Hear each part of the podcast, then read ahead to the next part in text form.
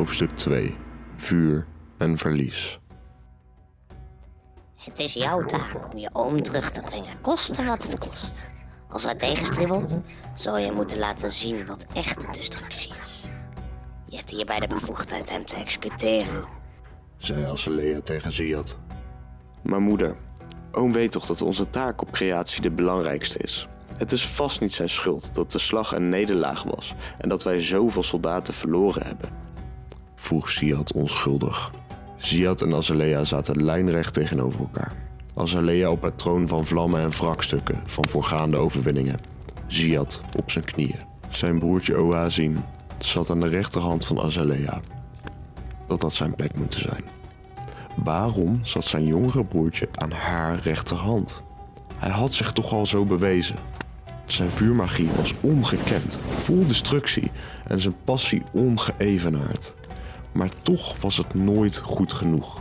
Hoe hard hij ook probeerde, zijn moeder stelde het nooit op prijs. Je oom heeft gefaald. En het is jouw taak hem te laten zien wat de prijs is voor zijn falen. Hij heeft zich overgegeven. Hij heeft zwakte getoond. En daarmee heeft hij ons en onze naam besmeurd met die zwakte. En die zwakte zal onze vijand nooit vergeten. En hiervoor zal hij betalen en terechtgesteld worden. En jij, Ziad, mijn eerste zoon, zal me hierheen brengen om die prijs te laten betalen. En als hij zal tegenstribbelen, Ziad. Ziad, luister goed. Als hij zal tegenstribbelen, dan zal jij hem daar ter plekke die prijs moeten laten betalen. En ons het hoofd van de grootste verrader ooit brengen. zei Azalea. Ziad boog diep en zijn taak goed in zijn brein gebrand. Twee dagen nadat zijn moeder hem op reis had gestuurd met zo min mogelijk bepakking als nodig was om een tocht door de Aria te maken, liep Siad over de zoveelste zandtuin heen. Met een droge keel, omdat zijn water een halve dag geleden op was geraakt. Alle oasen die hij tegen was gekomen waren helemaal leeg. Op droog. Alsof er een zandstorm de dag ervoor overheen was geraast. Maar dit was geen zandstorm, nee. De woestijn was sinds zijn dag van vertrek al aangenaam geweest. Zoals vertrouwd. En het begin van zijn reis leek alsof dit pad waar hij zich begaf echt zijn lot was. Hij wist waar hij water kon vinden. Hij wist te navigeren waar alles hetzelfde was. Maar na een dag begon het hem allemaal tegen te zitten. De oase, die normaal een ontmoetingsplek was voor verschillende volkeren, waren uitgestorven. Restanten van grote kampementen waren te zien bij deze oase. Het is alsof het leven uit deze belangrijke kruispunten van creatie gezogen is. zei Ziad tegen zichzelf. Maar overal was te zien waar dit aan lag. Het leger van zijn moeder, Dit moet wel de vijand zijn geweest. Dit kan niet ons doen zijn. dacht Ziad hardop. Dagen en nachten liepen in elkaar over. En Ziad zijn reis werd met iedere komst van de zon en maan zwaarder. Iedere stap op het zand vulde hem met haat. Haat aan zijn moeder, want het was haar schuld dat hij in deze woestijn achter zijn oom aan doolde. Maar ook haat aan zijn oom. Omdat hij was gevlucht, was gedeserteerd. Maar ook de haat, omdat het hem niet lukte om zijn oom te vinden, wiens pad ondanks zijn geur erg lastig te volgen was. Het enige wat hem hielp was dat hier en daar ineens een oud kampvuur opdook, waar de geur van overheerlijke thee hem de neus vulde en hem terugbracht naar zijn jeugd, waar hij een overheerlijke kop thee met zijn oom deelde. Het was die nostalgie waardoor hij zijn oom meer miste. Zijn dwalen bracht eindelijk geluk. Siad had de mazzel pal naast een cactusplant in slaap te zijn gevallen overdag. Toen hij wakker werd kon hij eindelijk weer wat drinken. En besloot hij wat water te rationeren in plaats van alles in één keer op te drinken zoals hij aan het begin van zijn reis deed. Hier hield zijn geluk niet op. Want na een half dag reizen bereikte Ziad een kleine oase met een klein kamp. Ziad keek van een afstand naar het kleine kamp. Het waren zo'n drie tenten bij elkaar. Rond een grote gemeenschappelijke tafel zaten acht mannen met de kledij van de soldaten van zijn moeder. Siad wist dat zij meer wisten over de locatie van zijn oom, dus hij besloot de groep soldaten te benaderen. Hij was tenslotte opvolger van zijn moeder en moest met respect behandeld worden. Soldaten van de vlam van Azalea, buig voor jullie prins en schenk mij jullie beste thee. riep Ziad naar het kampement.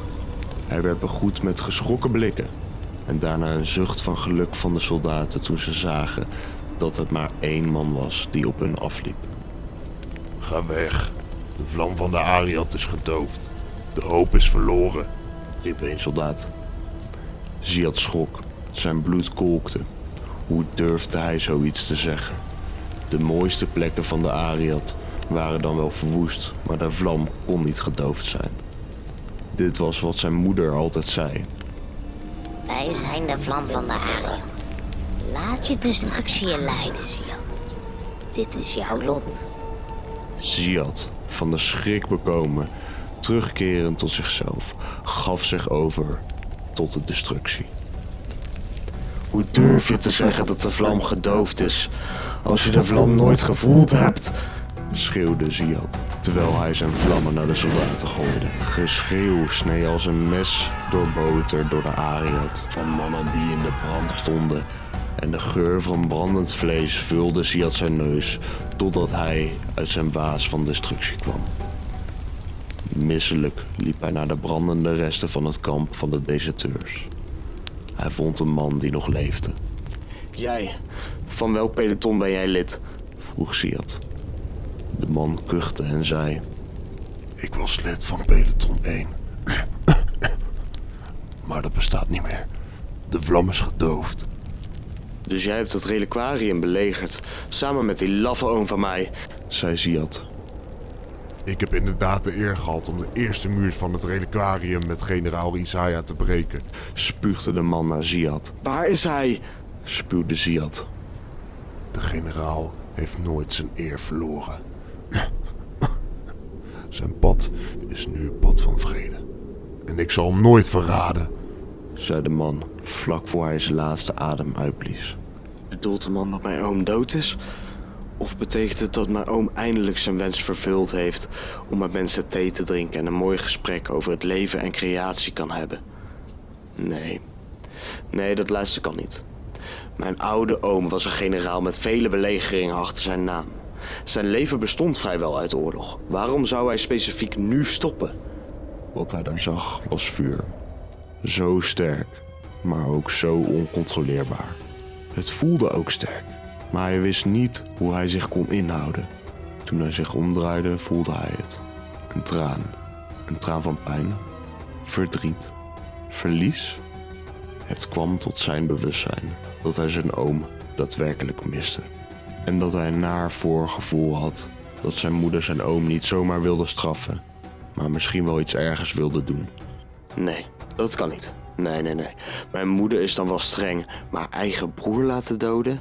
Nee, dat kan niet. dacht Siad nog voordat hij het verbrande kamp achter zich liet. Siad wist dat als zijn oom zou gaan tegenstribbelen, hij hem moest doden. Maar was dat wel het goede om te doen? Was het echt nodig? Dit deed hem denken aan een gesprek met zijn oom van toen Siad nog kind was. Oom Isaiah, ik wil later als ik groot ben de sterkste vuurmeester ooit worden. Maar als ik erover lees, zijn vaak alle vuurmeesters die goede rikken waren wijs. Wat kan ik zeggen om wijs te klinken? Vroeg de jonge Ziad vol enthousiasme, wat er toen nog niet uitgeslagen was door zijn moeder. Isaiah nam een slok van zijn thee en zei met een glimlach: Jonge prins, ik kan hier maar één belangrijk advies over geven. Het gaat niet om de wijsheid in je woorden, maar het gaat om de wijsheid in je daden. Deze uitspraak was Siad over de jaren heen eigenlijk vergeten. Maar waarom kwam het juist nu naar boven? Siad keek om zich heen en zag heel ver weg aan de rand van de Ariad een dof licht. Daar moet ik heen.